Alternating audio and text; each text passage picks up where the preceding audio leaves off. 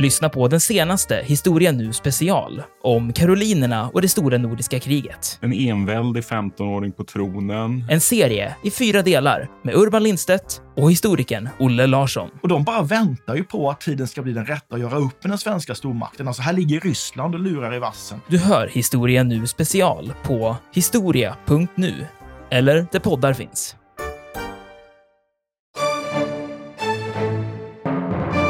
Men om vi ponerar att det trots allt fanns sanning bakom påståendet att han ville att hans häst skulle bli konsul, så är den troligaste förklaringen att det här var ju trots allt oppositionspolitiker som han jävlades med. Senaten bestod av folk som var förlorare, som Caligulas familj hade börjat bestämma över och alla visste om det här. Och när du är en ung grabb, för Caligula var ung, som sitter och bestämmer, då blir oppositionen mer ljudlig kan ta sig rättigheter och då vill han eh, sätta ner foten. Ja, eh, ni, ni är inte särskilt bra. Till och med min häst kan göra jobbet bättre. Så jag utnämner honom till konsul. Om ni inte passar er. Det kan gå till så.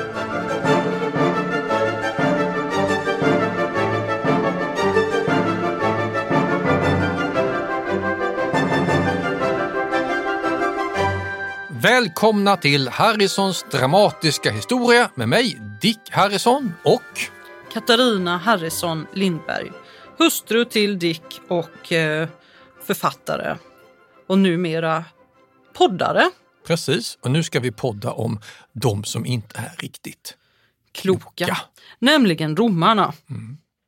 Delirant isti romani. De är inte kloka de där romare som Obelix säger i den latinska översättningen. Vi fick till och med läsa Asterix på latin på gymnasiet.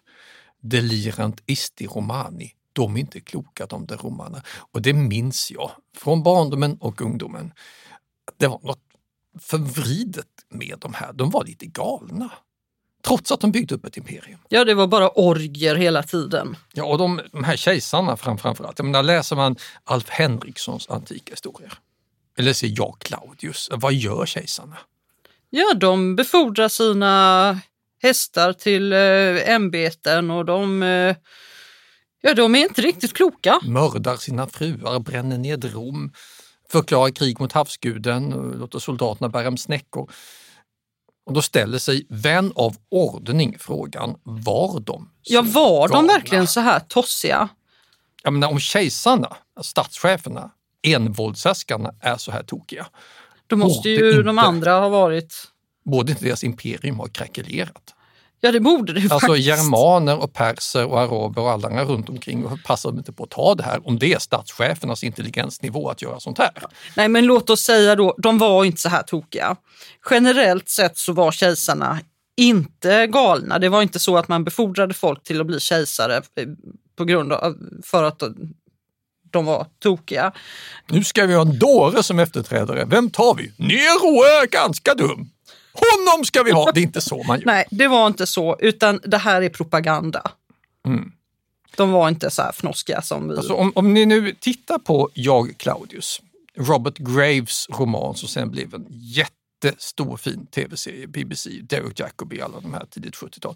Den håller fortfarande. Den håller fortfarande, men det är alltså direkt hämtat ifrån skitsnack skrivet kort tid efter att de här kejsarna levde av deras fiender av gubbar. Gubbar igen? Ja, senatsaristokratin som inte längre fick bestämma som i den gamla republiken. De kan ge igen med pennan när de inte kan ge igen med svärdet. Genom att skriva ned sina fiender och berätta hur usla och dumma de där idioterna är som nu sitter och bestämmer över oss. Och då får vi sådana här berättelser som blir väldigt bra tv-serier i modern tid. Men det är alltså inte sant. Inte alltid i alla fall. Inte alltid i alla fall.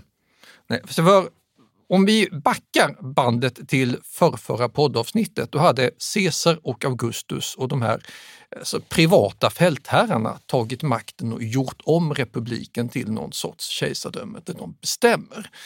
Och det här innebär att de där gubbarna, alltså fäderna, patricierna och de rika plebejerna som har suttit och styrt Rom i hundratals år, de är nu sidesteppade. De, de kan inte bestämma utan de får finna sig att spela andra fiolen. Säger du sidesteppade? Sidesteppade, förlåt. Vad är det här? Anglicism, usch jag skäms.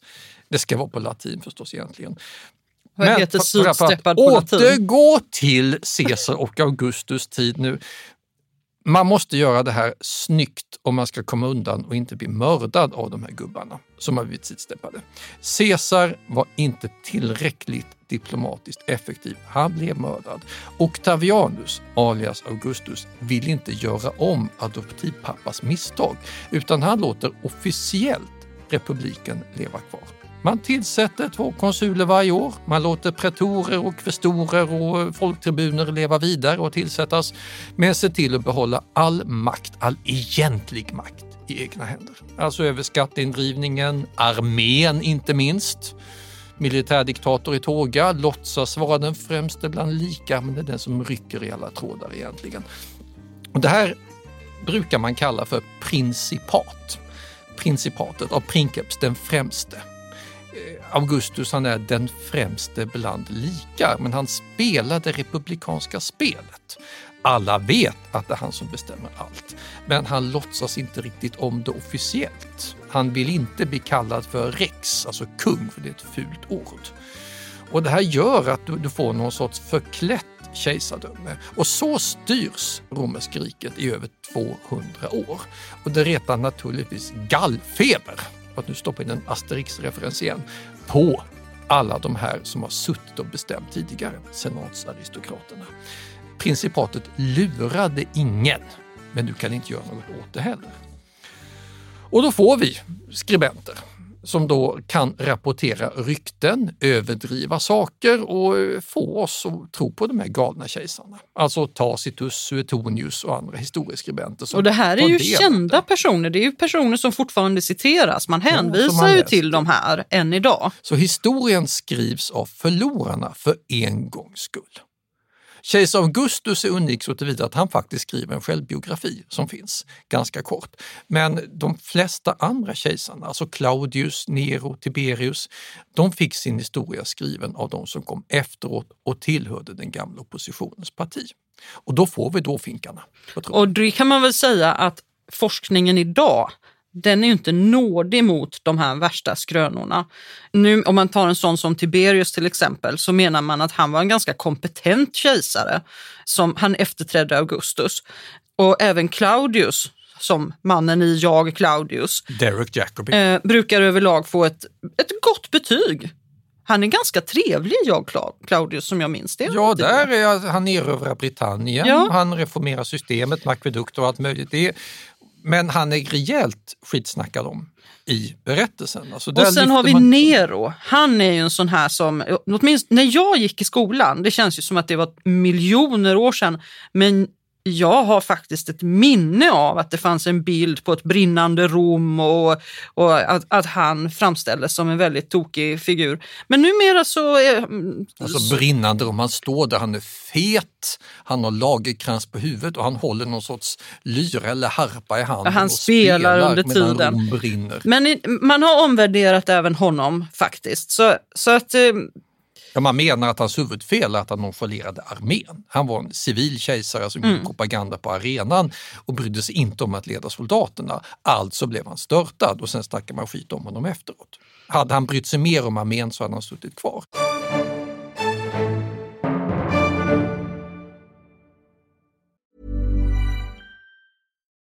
Millions of people have lost weight with personalized plans from Noom, like Evan, who can't stand salads and still lost 50 pounds. Salads, generally, for most people, are the easy button, right? For me, that wasn't an option. I never really was a salad guy. That's just not who I am. But Noom worked for me.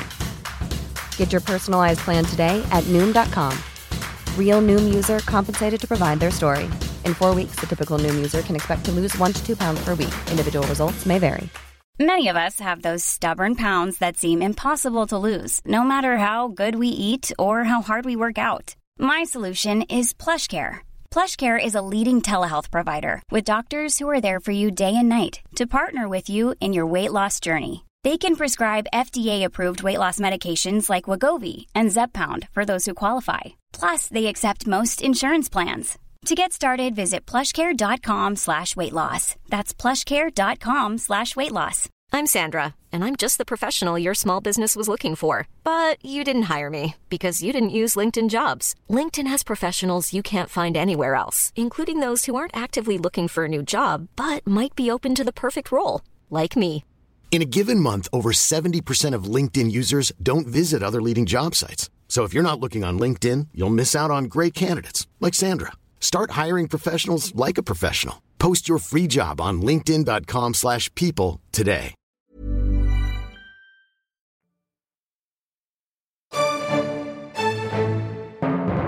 Man kan väl säga att den enda som man verkligen inte har äreräddat det är Caligula. Nej, det är svårt. Han, han är svår att ärerädda. Det tycks ha varit ett eh, olycksfall i kejsarämbetet. Hur var det egentligen med den här hästen? Han planerade då att utnämna hästen Inkitatus till konsul. Planerade att utnämna, alltså, och stämmer det här? Alltså, för det här är ju ändå helt fnoskigt. Låta en, eh, okej, man kan tycka om husdjur, men göra en häst till statsminister eller motsvarande, det, det är dårhuset direkt idag Om man också. nu ska ge honom lite... Ja, det kan inte vara så att han inte menade detta kanske rent på riktigt utan mer ja, kritiserade politikerna. Så här, min häst kan göra det här lika bra som ni kan. Det här är den snälla tolkningen av Caligula och så kan det vara. Obs! Det kan vara påhitt också. Han behöver inte utnyttja någon häst alls. Men om vi ponerar att det trots allt fanns sanning bakom påståendet att han ville att hans häst skulle bli konsul, så är den troligaste förklaringen att det här var ju trots allt oppositionspolitiker som han jävlades med. Senaten bestod av folk som var förlorare, som Caligulas familj hade börjat bestämma över och alla visste om det här. Och när du är en ung grabb, för Caligula var ung, som sitter och bestämmer, då blir oppositionen mer ljudlig, kan ta sig rättigheter och då vill han eh, sätta ner foten. Ja, eh, ni, ni är inte särskilt bra. Till och med min häst kan göra jobbet bättre, så jag utnämner honom till konsul. Om ni inte passar er. Det kan gå till så. Och där minns ju folk. Herregud, han är inte riktigt klok. Han vill göra Inkitatus till konsul. Ja, Brunte nästa. Så kan det ha gått till. Det finns en annan sak som jag tänker, om man nu, jag vet inte hur allmänbildningen är, känner man till Caligula? Det är inte säkert, men är det inte så här att han kanske aldrig har sagt detta, men det här må det hata mig om blott det frukta mig. Är det han? Ja, det är han som man ska ha på, man påstår att han ska ha haft det som valspråk. På latin, oderint dum metuant. Och där kan vi ge som tips åt alla chefer som vill markera revir mot undersåtar som inte lyder. Ha det här som en devis. Stå, skriv det här på era dörrar. Oderint dum metuant. Den som är latinkunnig, och det är för sig inte så många, kan läsa. Må de hata mig om blott de fruktar mig. Ja, avsked vid minsta protest. Det här ska alltså Det vara här är inte så, sådana här chefer vill man inte ha. Dick. Nej, jag vet, men det är ju någon sorts klassisk bild av att jag har läst på här. Det här ska alltså Caligula ha sagt. Gjorde han det? Nej, det gjorde han inte, för nu kommer källkritiken in. Sentensen är äldre.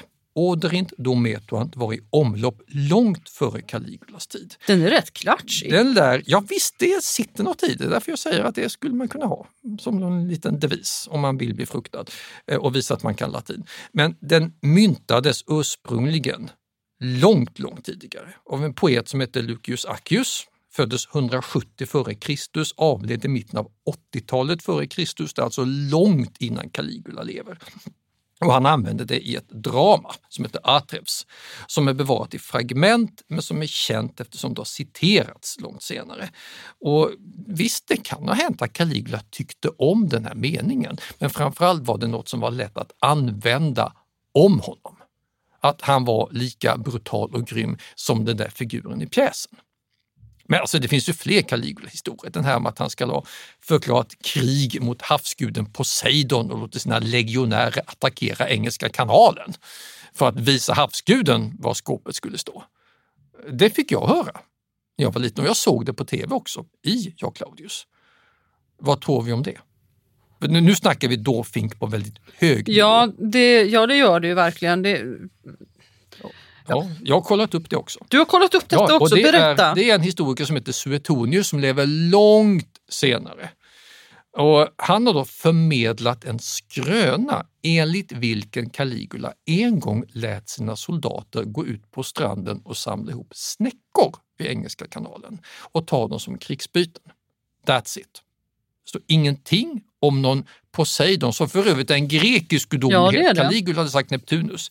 Utan mannen som hittar på det här, det är Robert Graves författaren till Ja Claudius. Så det är en modern skröna som vi har börjat tro Det är en helt gammal nytt antik. alltså. Ja, visst. Det är inget som ens romarna hittade på. Så vi tycker det är så kul med de här romerska kejsarna att vi i modern tid stoppar in fler dumheter som vi ger dem skulden för.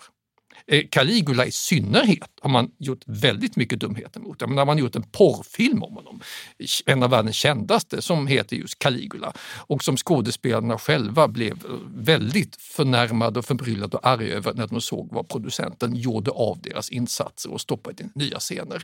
Vilket har gjort att Caligula har blivit någon sorts alltså, kultfigur inom den obskyra filmbranschen. Så vi har alltså gett de här kejsarna en massa alltså, fulknep och dumheter och allmän bisarra egenskaper som inte ens romarna själva gav dem. Ja. Och så har vi Nero. Ja, För det är ju ändå den kändaste galne kejsaren. Ja, och han verkar ju så nedrig. Det hörs ju nästan på namnet. Det, det man tror sig veta om honom det är att han ska ha eh, låtit bränna ner Rom. Och stått och spelat någon harpa Ja, och stått lyra och spelat lyra medan, medan det här hände. Och sen så skyllde han på de kristna. Det är det man tror sig veta då. Och det Och kan, startade en kristendomsförföljelse. Ja, och det kan man väl säga att under hans regeringstid, det, fann, det, det var verkligen en brand.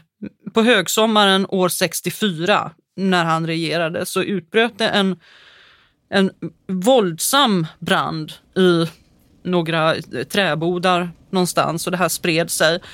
Och eh, det är Tacitus som är den bästa källan till detta.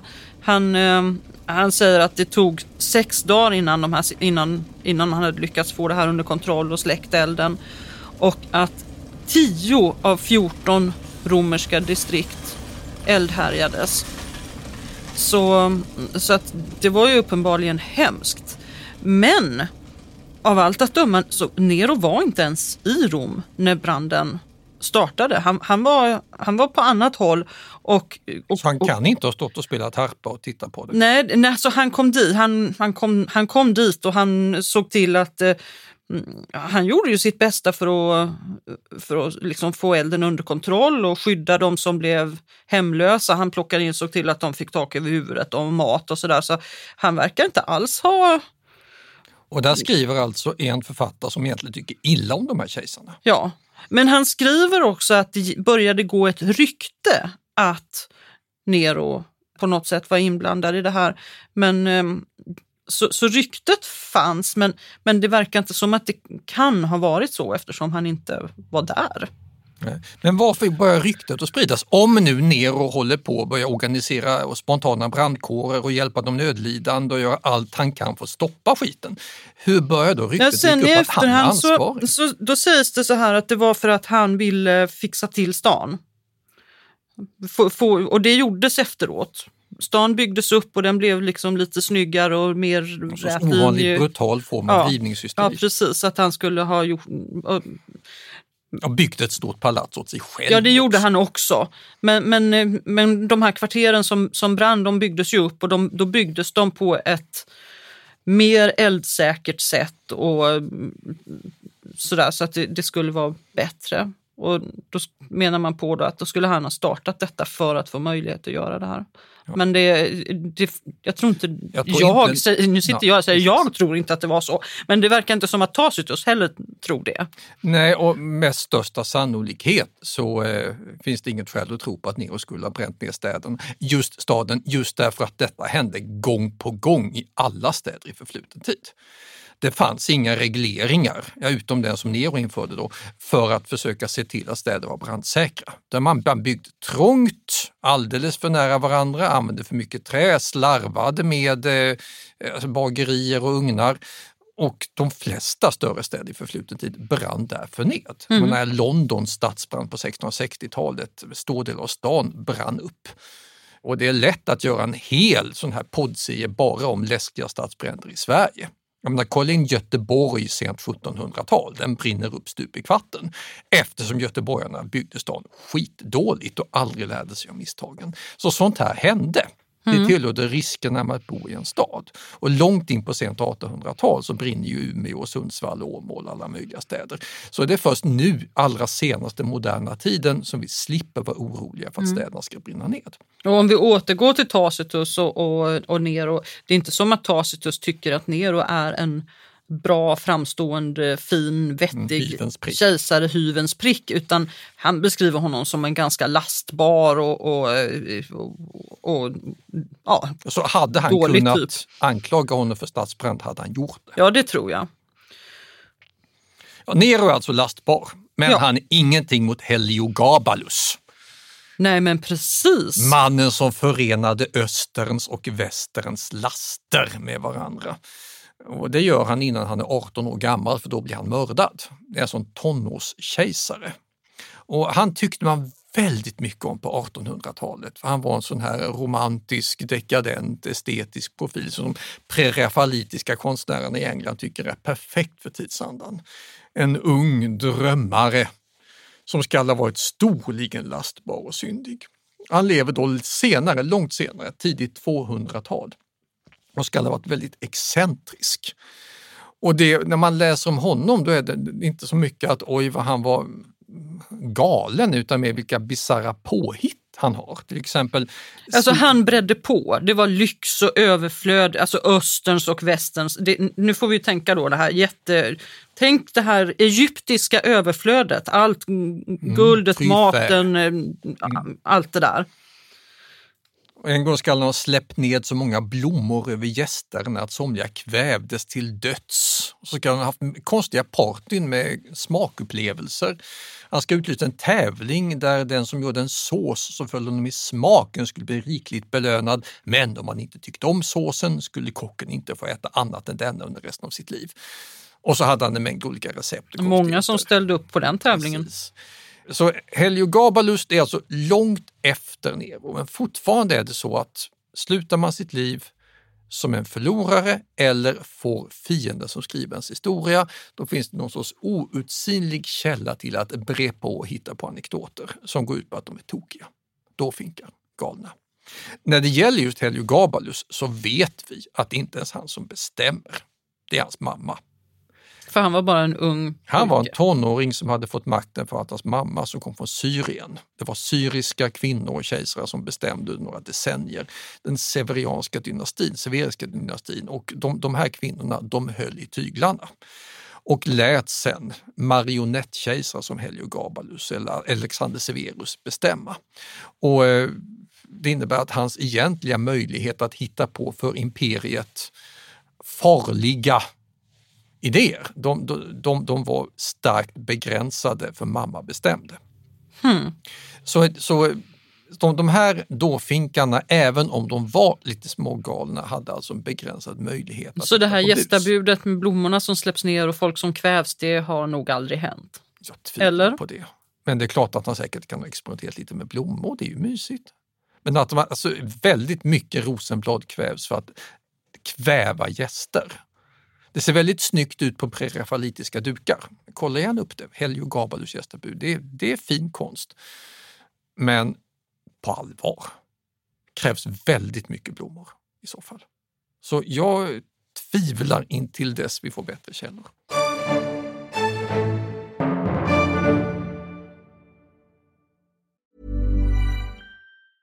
Hiring for your small business? If you're not looking for professionals on LinkedIn, you're looking in the wrong place. That's like looking for your car keys in a fish tank.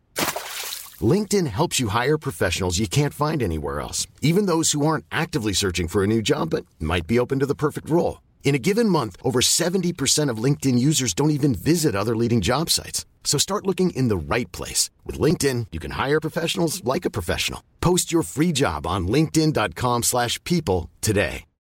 Millions of people have lost weight with personalized plans from Noom, like Evan, who can't stand salads and still lost 50 pounds. Salads, generally, for most people, are the easy button, right?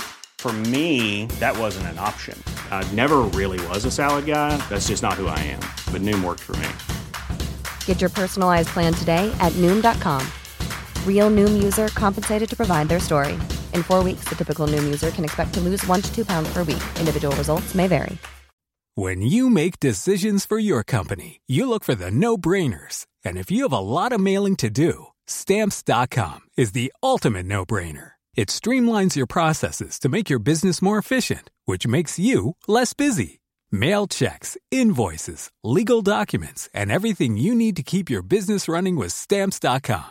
Seamlessly connect with every major marketplace and shopping cart. Schedule package pickups and see your cheapest and fastest shipping options from different carriers with rates up to 89% off USPS and UPS rates. And with the stamps.com mobile app, you can take care of mailing and shipping wherever you are. Make the same no-brainer decision as over 1 million other businesses with stamps.com. Sign up with code program for a 4-week trial plus free postage and a free digital scale. No long-term commitments or contracts. That's stamps.com.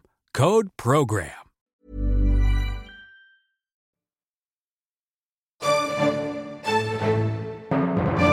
Nu är ju det här onda kejsare som slutar som förlorare.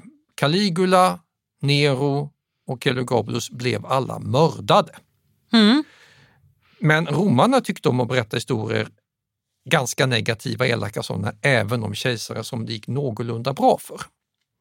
Och då har vi ju en av de riktigt duktiga tråkmånsarna i sammanhanget, Ja, Vespasianus. hon, och honom, han dök upp i något tidigare avsnitt här. Vespasianus, Snålvargen. snå, just det, du kallade honom snålvargen. Och det finns ett skäl till att du gjorde det. Mm. Därför att han införde egentligen inte en, inte en avgiftsbelagd toalett. För det var inte det som var poängen. På, Han tog betalt för kiss. han, tog Beskattade beta- han beskattade urin, så var det. Han regerade i Rom mellan 69 och 79 efter Kristus. Och eh, det hade varit inbördeskrig och han behövde hitta nya inkomster. Och till. efter att Nero mördade så är det tre, fyra kejsare som efterträdde varandra i ett krig och han vinner. Yes. Han behöver nya inkomster och bland annat så bestämmer han sig för att han ska beskatta urin. Det var nämligen så att eh, man måste lösa eh, ja, urinfrågan i. Rom. Ja. Och, eh, fattiga romare de hade för vana att tömma sina urinkärl på särskilda ställen och därifrån så kunde man hämta det här kisset och använda det till garvning av hudar. Och tvättning av kläder, alltså det, det fanns ämnen i urin som kunde användas. Ammoniak inte minst. Ja, men framför, framförallt så användes det till, till hudgarvning. Det är det stora. Det, det, det var, man använde urin till, till hudgarvning länge, länge, länge. Och, eh, och det här hade man fått ta gratis tidigare. Ja förstås, Ja, för att- snacka om kiss. Ja, precis. Men då, då tycker han att nej, nej, nej, det här kan vi tjäna pengar på. Så att han, han eh, tog in eh, en, en avgift för att man skulle få, få ta det här kisset. Och hans namn har sen kommit att förknippas med betaltoaletter. Ja. Så om man kommer till Frankrike till exempel, då heter en avgiftsbelagd toalett Vespasian. Och Italien Vespasiano. Ja, fast det var inte det att de som kissade betalade utan det var de som tog kisset som betalade. Jag tycker för övrigt att det är en mänsklig rättighet att gå på toaletten. Tycker inte man ska ta betalt för sådana Håller saker. helt med om detta. Men Vespasianus hade inte hållit med där också. Däremot hade han haft synpunkter på vad man hade gjort med kisset efteråt. Det är ju en naturresurs. Den kan man ju använda till garvning, hade han sagt. Låter ni det hamna i avloppet? Det är slöseri. Och så hade han säkert lagt till någon avgift för att låta det slicka ut i avloppet och därmed gå miste om skatteinkomster. Mm. Och, och det här blev, han blev alltså känd som en snålvarg. Han kritiserades för att det här ville gå lite väl långt för att få en inkomster till statskassan. Och då skall han ha eh, alltså, tagit upp en litet mynt. Det var hans son Titus som sen blev kejsare också som sa att pappa nu går det väl lite väl för långt. Då ska han ha hållit upp ett guldmynt, fråga Titus om han kände sig förolämpad av hur det här myntet luktade. Nej, säger Titus. Och då ska han ha replikerat och ändå kommer det här från urin. Det här är sånt jag fick in på min nya kissskatt. Och på latin aqui ex lotio est och ändå kom det från urin. Och det här blev sen i omarbetad form ett klassiskt ord för du ska inte bry sig om varifrån pengar kommer. Non olet, det luktar inte. Pengar luktar inte. Fråga inte hur jag har fått de här pengarna. De luktar inte. Det är fortfarande pengar. Det kommer härifrån Det har använts alltså. av många penningtvättare genom tiderna. Det är Vespasianus. till Vespasianus, exakt. Det här, måste, det här är allmänbildning. Detta är allmänbildning. Ja. Så nu vet alla det som har lyssnat på det här poddavsnittet. Pengar luktar inte. Vespasianus och hans kissskatt. Exakt. Ja. Det här, sånt måste man veta. Ja, allmänbildning. Ja. Nu har vi bara snackat om kejsare här. Ja. Alltså, eh, Obelix motto är ju delirant isti romani.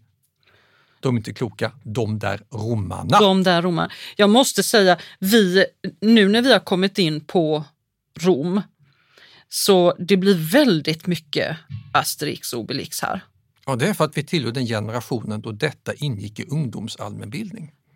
Undrar om det gör det idag. Jag vet Det inte. Men för de som nu sitter och lyssnar på detta, om ni tillhör vår generation eller äldre, då är ni säkert bekanta med, med den här serien. Kanske mer än vad, Dagens ungdom vad, dag, vad dagens lite yngre generation är.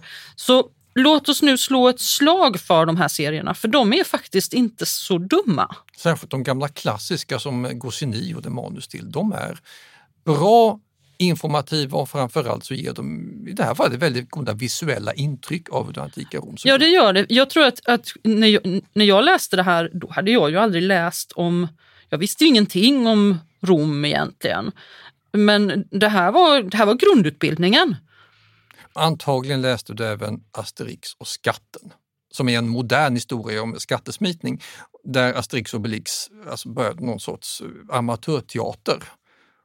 Och då kommer, kommer det in en punkt där de faktiskt har fel. Berätta. Orgierna.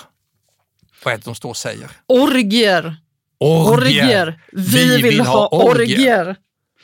Ja, De tar anställning i ett teatersällskap och det står en regissör som egentligen är en karikatyr av den franska 1900-talsdramatikern Antonin Artaud som vill ha sån här modern eh, grymhetsteater och lite spontanitet, eh, djupt mänskligt. Och eh, han tycker att Obelix är en naturbegåvning när han står och säger de är inte kloka de, de där romarna.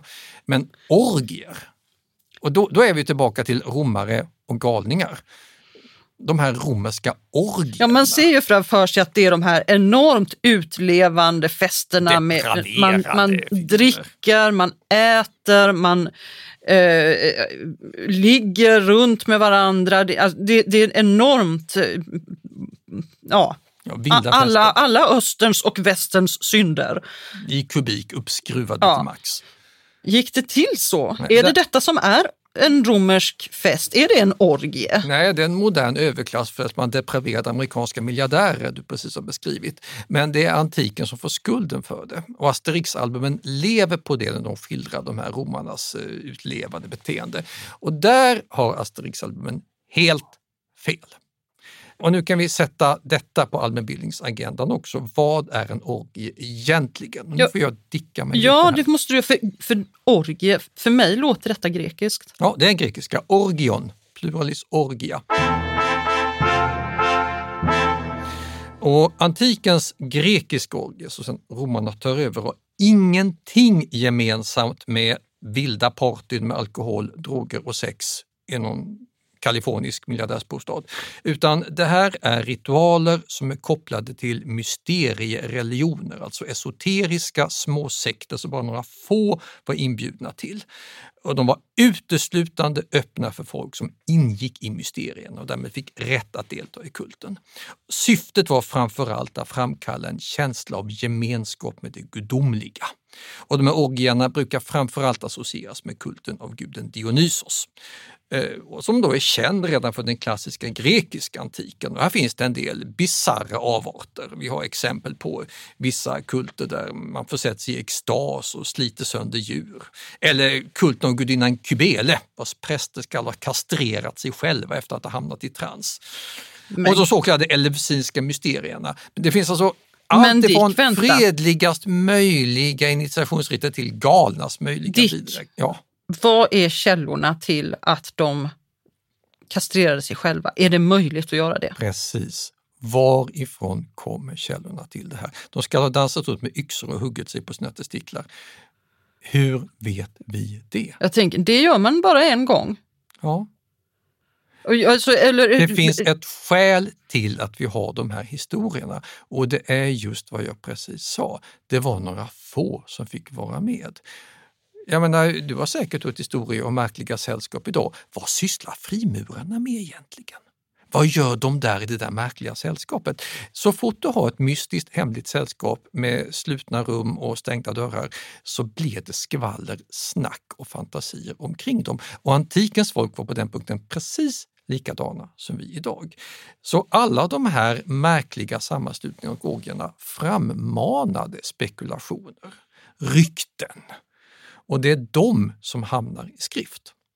Och romarna har ju dessutom upplevelsen att det här är något grekiskt, alltså de där figurerna som vi ja, är imponerade av men samtidigt inser att de är inte riktigt som vi. Så att orgierna som moraliskt betänkliga sexfester, det är alltså någon sorts romerskt skitsnack, ungefär som man snackar skit om de här märkliga kejsarna.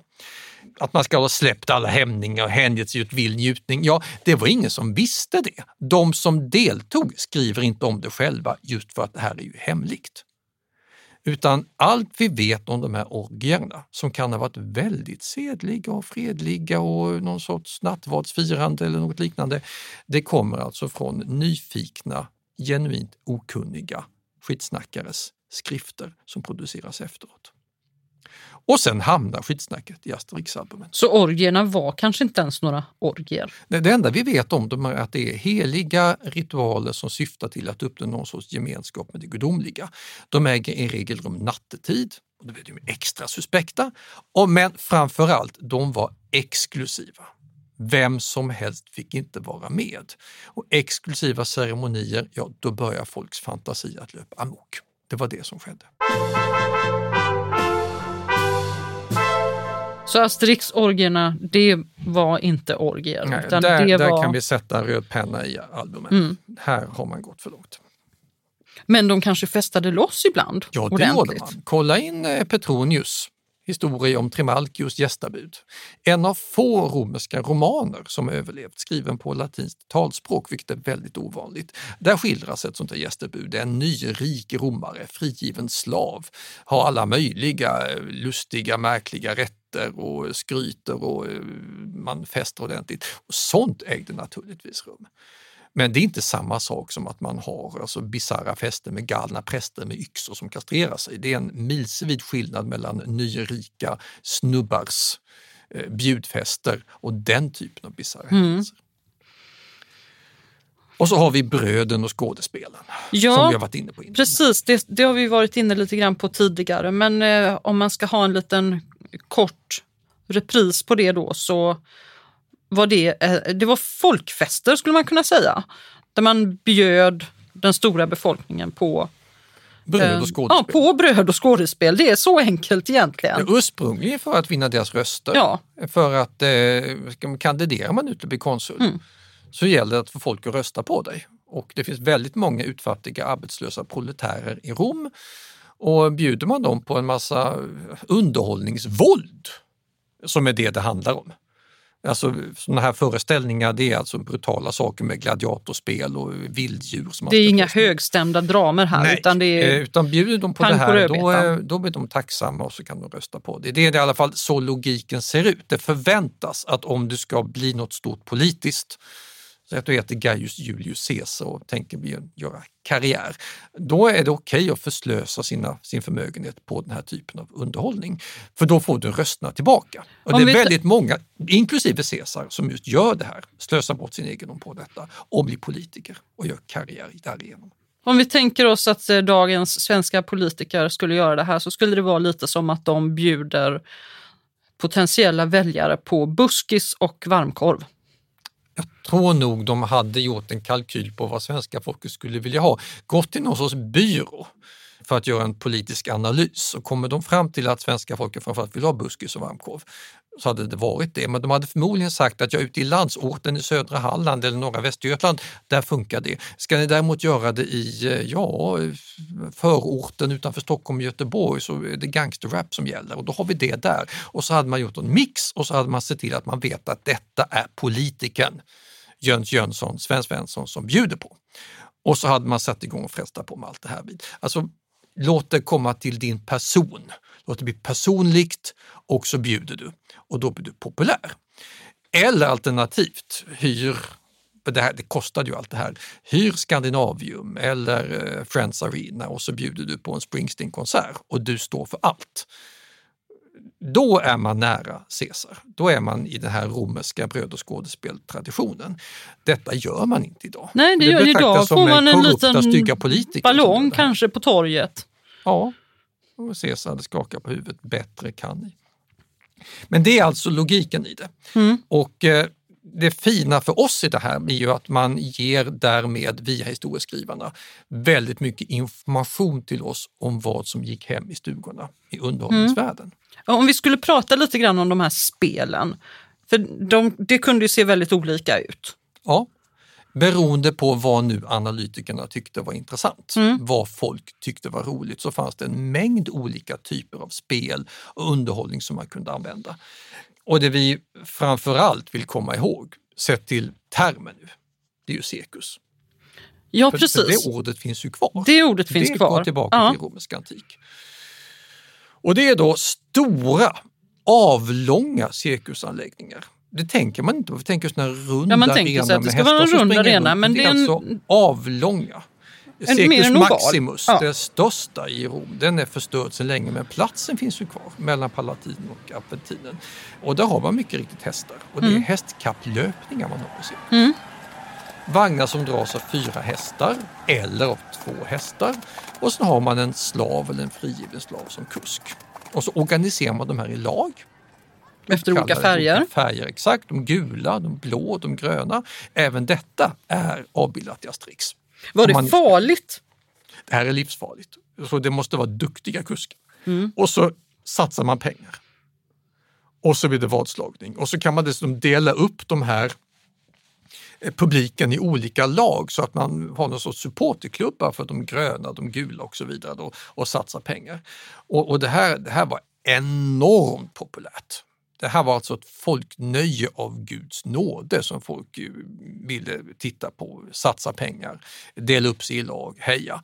Eh, vi, vi, vi vet till med sådana här alltså, råd för unga grabbar som vill eh, stöta på tjejer och flörta lite och man ska gå dit för då är det väldigt lätt att komma åt dem för dit går alla och videos ger sådana här tips till, till exempel. Så, så det här har vi gott om exempel på att det här var sånt som romare i gemen, från hög till låg, älskade att titta på. Men cirkusspel, lite skulle man kunna säga att det är lite som trav. Ja, fast mycket mer folkligt och mycket Ja. mer burleskt och populärt i hela romerska Mm. riket. Jag menar, vi har ju sett i Jordanien hur man har uppfört sådana här moderna kapplöpningar i gamla cirkusarenor som har eh, överlevt. Och som Det har vi faktiskt, det var länge sedan. I Gerasa, Gerash. Mm. Så det här, sådana här arenor uppförs överallt. Dock är de inte så där enormt välbyggda och stora och höga att de eh, alltså, går att se intakta. Det kan Men man sen- däremot göra på teatrarna. Ja, jag tänker, för det, det fanns ju mer vanliga te- teater också. Ja, men där man uppför tragedier och komedier och de är mer välbyggda med stora scener och skranker. Och eh, där uppför man då skådespel. Mm. Inga hästar utan komiker och tragöder. Mm. Allt ifrån farser och folklustspel, alltså lite Nils Poppe på Fredriksdal, till stor, djup Hamlet-tragik. Mm. Där man inspireras av greker och skriver till eget. Och de här teatrarna, de, de är förvånansvärt välbevarade ofta. Vi har varit i en sån också i Syrien, minns du det? I Bosra. Ja, och den var stor. Den var enormt stor. och väldigt imponerande. välbevarad, åtminstone då. Vi vet Ja. ju inte hur den ser ut De idag. kan alltså i teorin användas som teatrar i Ja. vår tid också. Men glöm bort cirkusspelen, glöm bort teatrarna. Det som vi brukar tänka på när vi tänker på bröd och skådespel. Det är amfiteatrarna. Amfiteatern, exakt. Och det är de som är runda. Man Det är det som är. Colosseum i Rom till exempel. Precis. Och eh, där där menar man att det är ju där de här våldsfesterna ska ha ägt rum, gladiatorspelen. Och vilddjursspel. Ja, men, men just Colosseum i Rom, det, det är ju den här varningsflagga hissas, gå inte dit. Nej, för alla går dit faktiskt. Och så mycket att se är det inte. Du kan se det på bild och du får, slipper du stå i kö i fem timmar och trängas. Ja. Men det finns ett... Säger vi som har varit Precis. där nu. Men, men jag kan säga att man ser det väldigt bra på, från utsidan. Man kan få fina bilder där. Insidan är inte... Ja, vill man stå i kö för att gå in och titta så gör det. 50 000 romare fick plats där. Mm. det är ju stort. Men låt oss säga så här att vi har gjort det för sista gången. Ja. Det är alltså våldsam underhållning. När man ska tänka in antikens kultur som en massa våldsgalningar som tittar på underhållningsvåld, då är det dit man gick. Och där var det gladiatorer. Ofria stridsmän som kämpar man mot man, ofta på liv och död. Eller djurhetsning. Vilda djur hetsas att angripa varandra eller kastas sig över dödsdömda fångar som man låter sitta där som ska slita dem i stycken. För det gick hem i stugorna av proletären i Rom. Det var där detta skedde. Man kan också i teorin göra det här på andra ställen. Kejsar Claudius lät arrangera ett sjöslag på Fucinosjön år 52 efter Kristus när man ville se ett riktigt sjöslag, riktigt och riktigt, där folk fick puckla på varandra och döda varandra. Och sånt, sånt tyckte romarna var kul att titta på. Idag tittar man på förhållandevis oskyldiga krigs och skräckfilmer. Romarna ville se döden på riktigt. Mm. Och, och då, då närmar vi oss verkligen galenskapen och då är det inte kejsare utan då är det vanligt folk. Är det, är det sant att man, man dömde kristna till att bli sönderslitna av vilddjur? Det hände under de kristendomsförföljelser som ägde rum. De var inte så många som man ofta inbillar sig. De kommer i perioder stötvis under kejsar Decius och kejsar Diocletianus. Då höll man framförallt till på Circus Maximus, alltså tog Circus arenan. Men det är alltså sällsynta speciella faser när man vill ha någon sorts uppslutning kring kejsarkulten och pekar ut de kristna som syndabockar. Eh, Det normala är att de som sönderslits är dödsdömda fångar oavsett vad de har gjort. Och då, då har man dem som någon sorts lätta offer. De som framförallt förlorar på det här är djuren eftersom de blir ibland bokstavligt talat utrotade. Alltså det finns inga lejon i Grekland och eh, Nordafrika, det finns inga elefanter i Nordafrika för de här blir alltså jagade för att bli dödade Mm. på arenan. Och de finns ju inte kvar alls. Nej. Så det här är en väldigt brutal, slukande, destruktiv form av underhållning som vi tack och lov inte har någon motsvarighet till idag. Men det höll på länge. Det här, var, det här levde kvar under i hundratals år innan det faktiskt till slut då kritiserades och, och, och blev mindre populärt. Vi vet det eftersom de, de kritiseras och ändå fortsätter man att kritisera Mm. dem gång på gång efteråt. Även försöker man förbjuda dem, men Mm. de är så populära att det funkar inte. Vi har en sån som Konstantin den store. Det är Roms första kristna kejsare. Mm. Då är vi framme på 300-talet efter Kristus. Då har man haft gladiatorspel i hundratals år. Han söker begränsa de här. Mm. Och det är för att hans kristna rådgivare säger att det här är dumt, fult och omänskligt och brutalt. Så han försöker begränsa dem. Men kan inte låta bli att kasta förbrytare till vilddjuren, för det är ju så man gör. Hoppa sen fram 70-80 år till sent 300-tal. Theodosius den förste, han totalförbjuder alla religioner utom kristendomen. Han är alltså intolerant, superkristen och han förbjuder alla icke-kristna fester men tycker att gladiatorspel Det fortsätter det är man med. faktiskt ganska spännande, så det fortsätter han med. Hoppa fram ytterligare ett tag, under några år kring år 400. Mm. Ja, förbud, förbud, förbud av kejsare, de fortsätter. Och 438 är det fortfarande ett nytt förbud. Ja, att det kommer förbud beror på att ingen bryr sig om förbuden. Ja.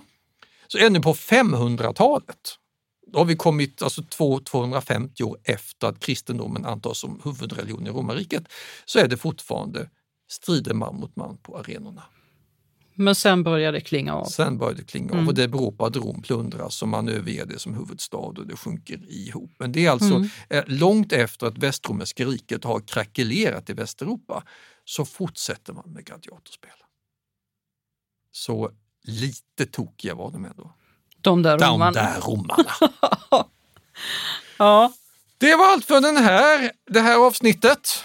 Vi eh, ska bekanta oss mer med romare så småningom för det, alltså, tokiga eller inte tokiga, till slut gick det ju inte så värst bra för dem. nej. Det Romerska kommer riket gick att, under. fortsätter man så här så, så går det ut för. Och i nästa avsnitt blir det romarrikets fall. Vad var det egentligen som hände? Ja, väl mött då. Hej då.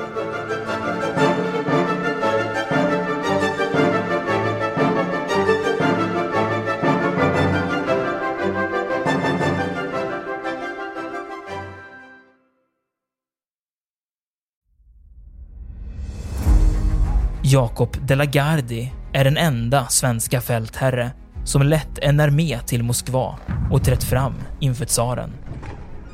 Bedriften gjorde honom till en av 1600-talets största befälhavare.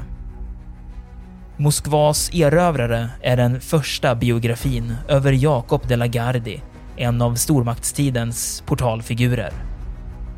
Historikern Peter Ullgren följer hans stormiga bana från den föräldralösa barndomen vid 1500-talets slut till maktens topp och den mullrande statsbegravningen i Stockholm 1652. Moskvas erövrare är utgiven av förlaget Historiska Media. Ljudboken finns tillgänglig hos streamingtjänster som Bookbeat, Storytel och Nextory. Beställ den fysiska boken på förlagets hemsida historiskamedia.se eller köp den i en bokhandel nära dig.